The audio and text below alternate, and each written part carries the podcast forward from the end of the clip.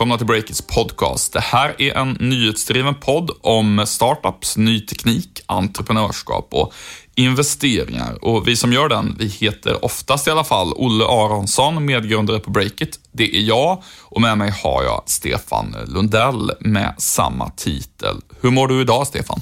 Jo, läget är helt under kontroll eh, och det kommer bli ännu bättre nu när vi får spela in en ny rykande färsk podcast, eller hur? Ja, det här är lite grann vår eh, gemensamma terapistund i veckan. Eh, vad ska vi prata om idag? Vi ska avslöja att en svensk succéstartup kan vara på väg att rädda medierna ur det eh, jobbiga annonsträsket. Vi ska också berätta om Sveriges okända betalkung och så blir det en väldigt spännande rapport från området där kanske Sveriges svar på Tesla ska byggas i framtiden.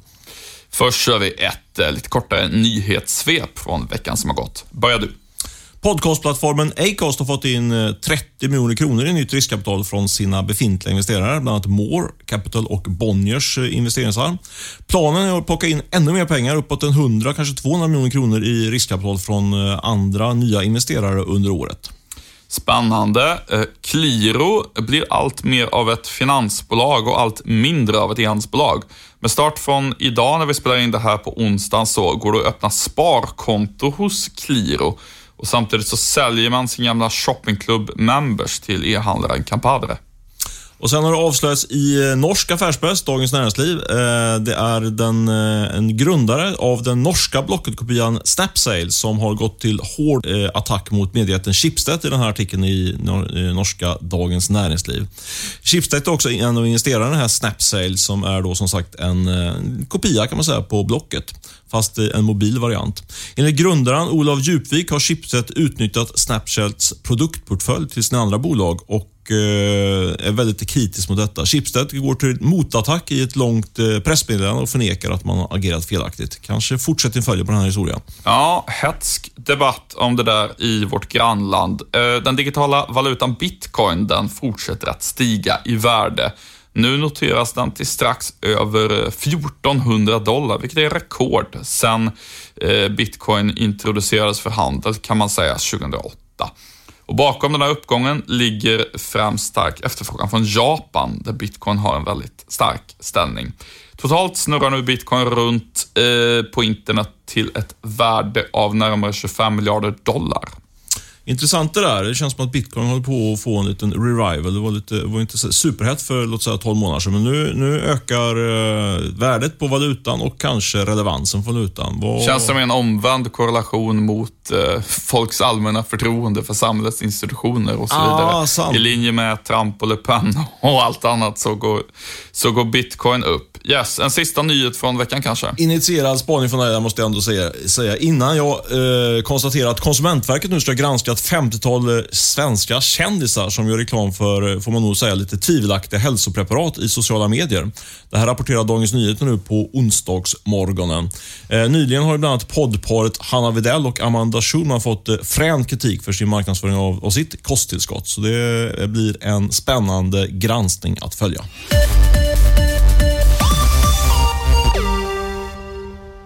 Om man ska starta en sajt finns det en sak som man alltid behöver och det är hosting. Och det erbjuder vår huvudsponsor Rackfish. Så är det. De har ju placerat sig i premiumsegmentet, vilket bland annat innebär att de satsar väldigt hårt på att inte ha några driftstörningar överhuvudtaget. Yes, och uh, Rackfish filosofi kring det, det är att de genom att investera i väldigt bra och säker teknik eh, också kan få ner sina supportkostnader. Precis, om servrarna aldrig går ner så är det ju heller aldrig någon som ringer till supporten. Väldigt praktiskt.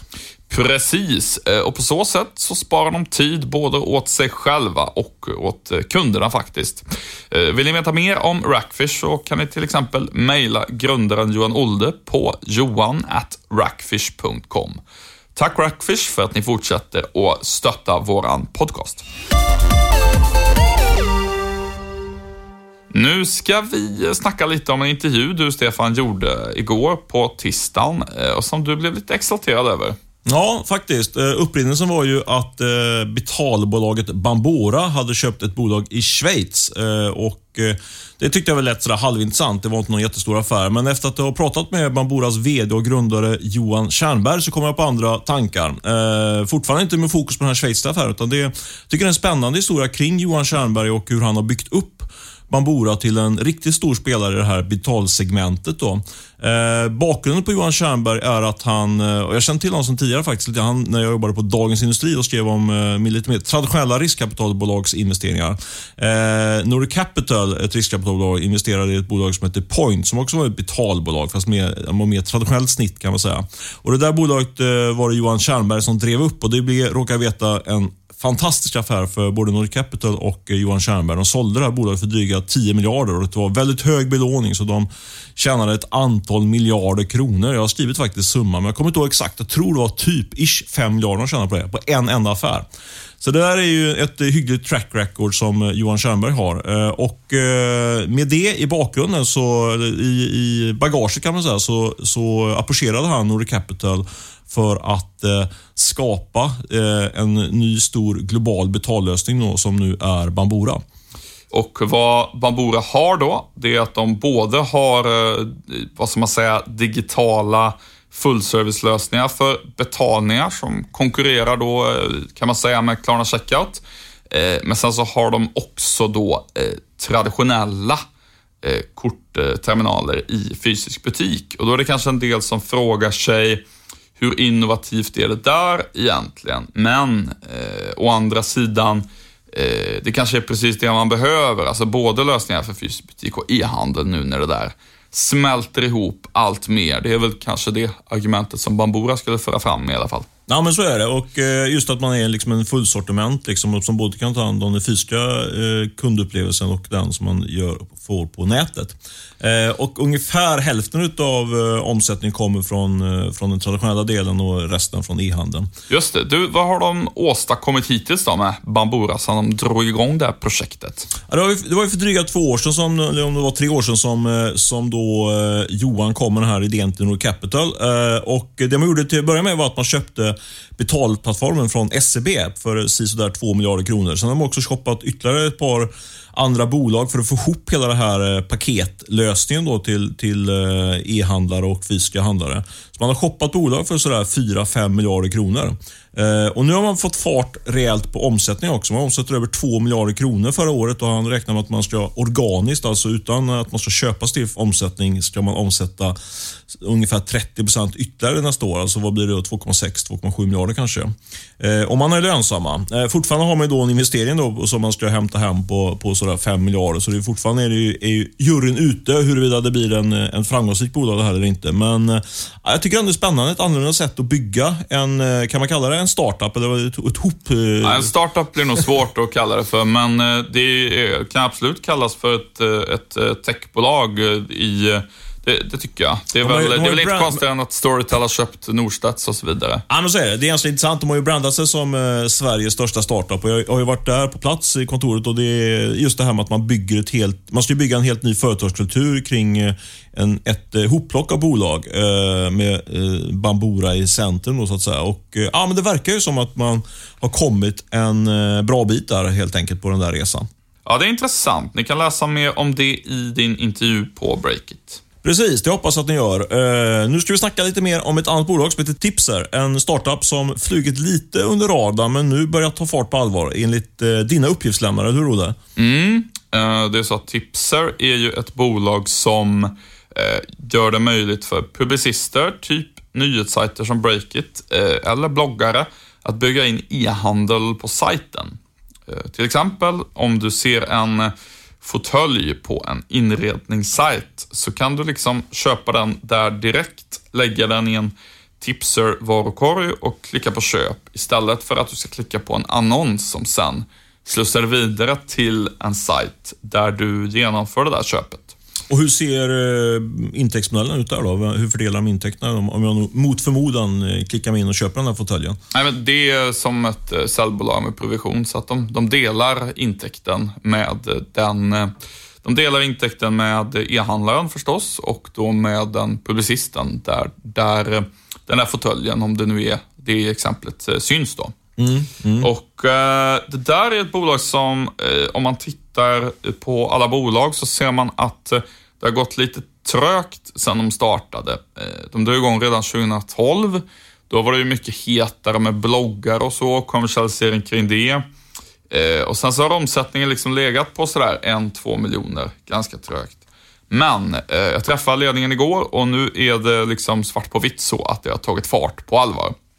Spännande. Vad innebär det konkret? Nej, men de har fått in till exempel Bonnier Tidskrifter, Expressen, eh, till och med DN Kultur, eh, vars kundklubbsmedlemmar kan köpa konst eh, med hjälp av tipser. Mm-hmm. Och till skillnad från de här typ 1-2 miljonerna i omsättning så har de haft tidigare, så i år så har de en budget på att omsätta 17 miljoner. Och hittills så har det gått betydligt bättre än så, säger ledningen. Så att de, de, vill, de sa att de vill inte revidera upp budgeten än, men att det såg, väldigt, det såg ut som att de skulle överträffa den.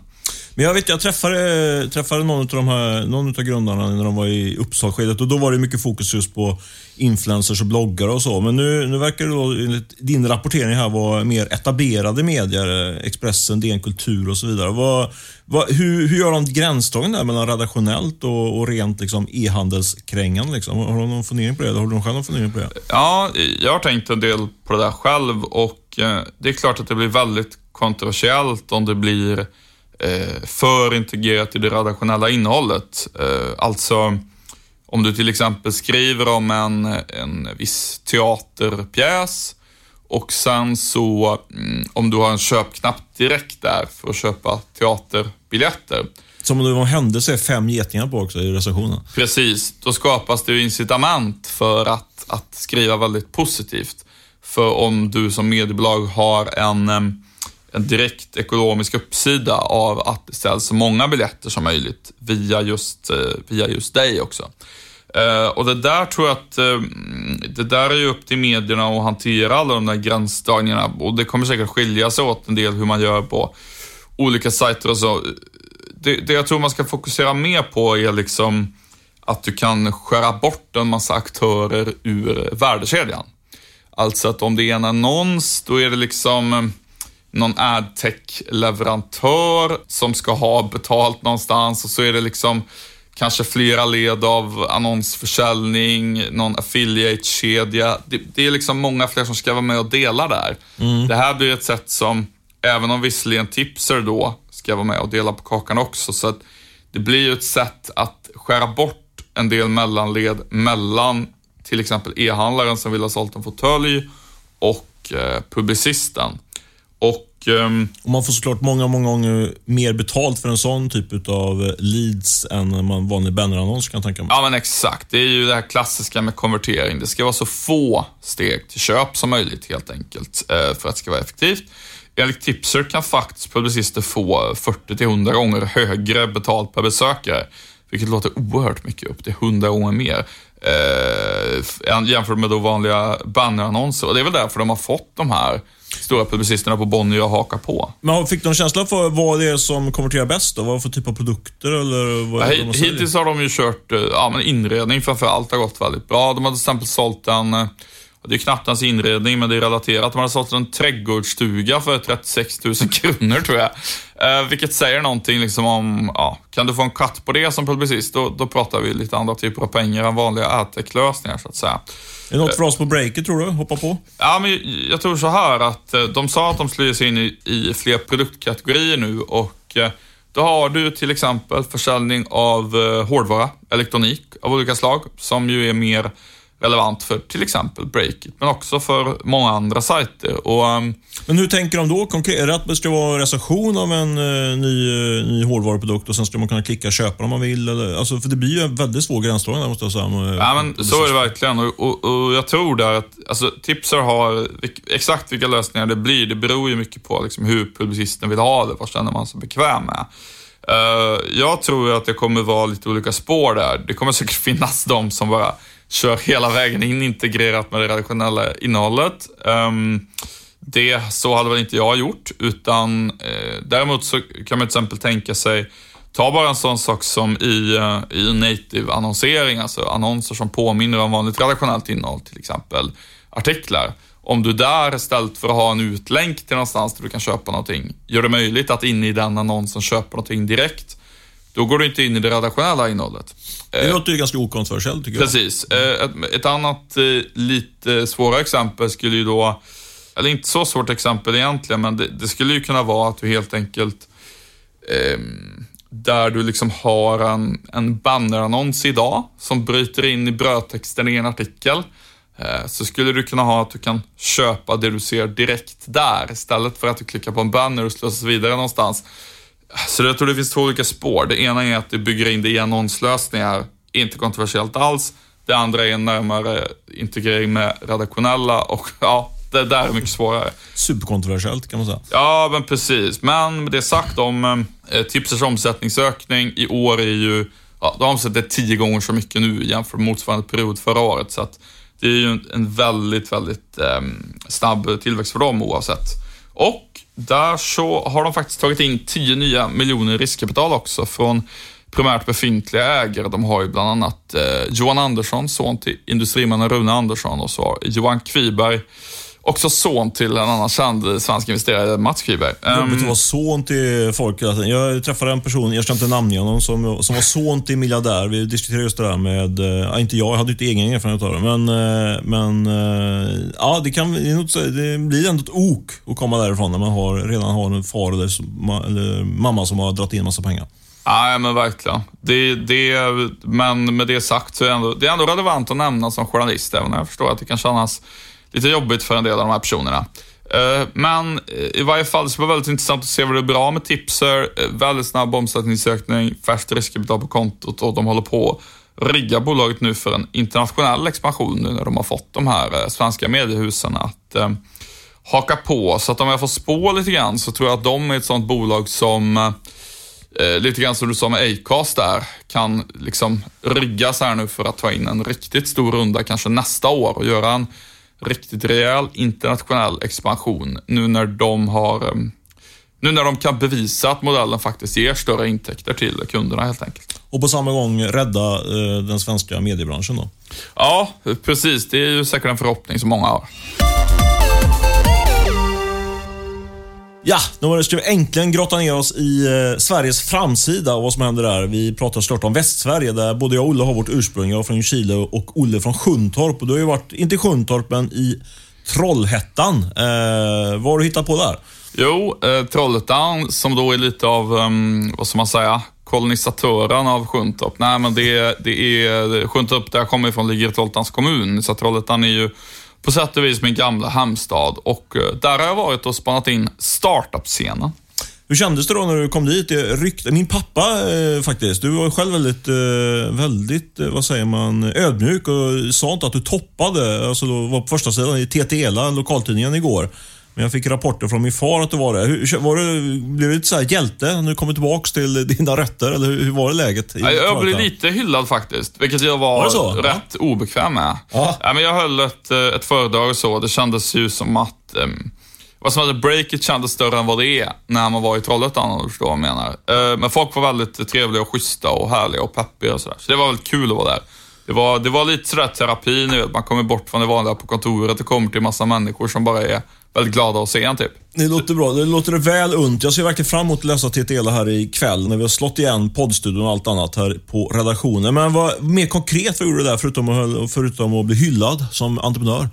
Jag besökte Innovatum. Det är nyföretagarområdet kan man kalla det för eh, i Trollhättan. Eh, och ehm, det är faktiskt ett väldigt, väldigt intressant område. Eh, det är slående vilka helt annorlunda förutsättningar det finns där jämfört med att köra en inkubator inne i innerstan i någon av de eh, svenska städerna. Mm. På vilket sätt då menar du? Ja, men till att börja med så är det ett så enormt område rent fysiskt, geografiskt. Innovatum ligger precis lite utanför stadskärnan på ett område där man tidigare bland annat byggde stora lok i eh, Trollhättan.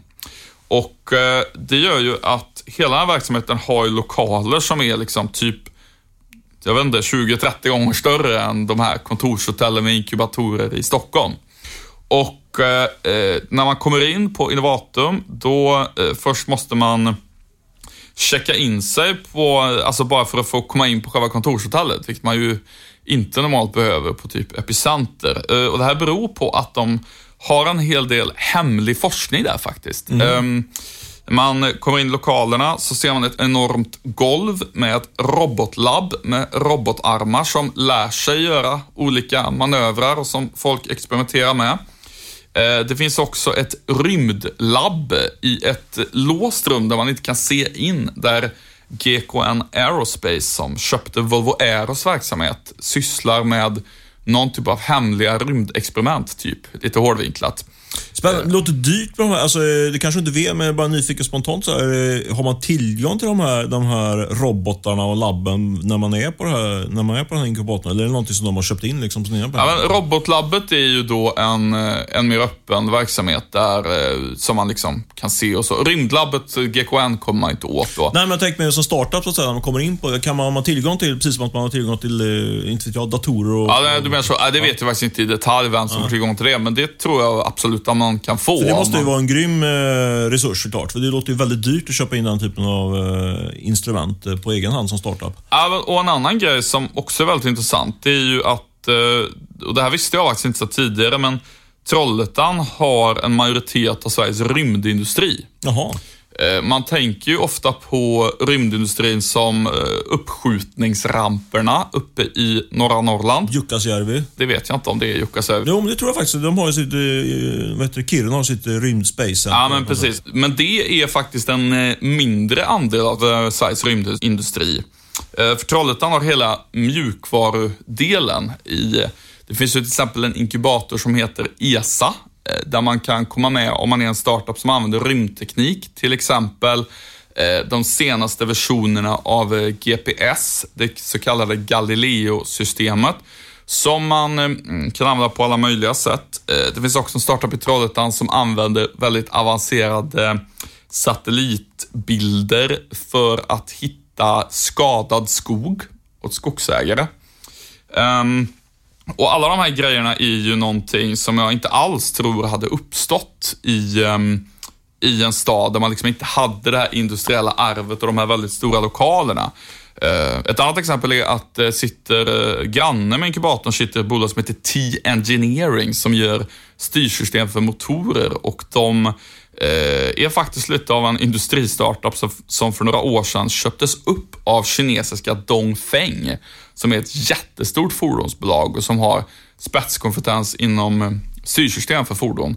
Och ehm, hela den här miljön med eh, rymdteknik, eh, robotteknik, fordonsteknik, den här jättestora ytan att experimentera på, eh, skapar ju helt andra typer av förutsättningar. Så att ehm, om man skulle bygga ett svenskt Tesla eller motsvarande så är förutsättningarna enormt mycket bättre i Trollhättan än till exempel i Stockholm. Låter lyriskt över din gamla hemstad. Vad, vad, om du skulle titta lite grann på, på svagheterna då i det här startup-klustret som du håller på att bygga upp, som sjuder i Trollhättan låter det som lite grann. Vad, vad, ser du några sådana, eller är det bara upp, uppsida? Äh, men det finns ju massa potentiella och nuvarande problem förstås. Eh, Det tydligaste är att än så länge finns det ju liksom ingen startup som har kommit särskilt långt rent ekonomiskt. Vilket innebär att det är i princip en sådär 7-8 startup som sitter där på Innovatum och eh, alla har bara några anställda.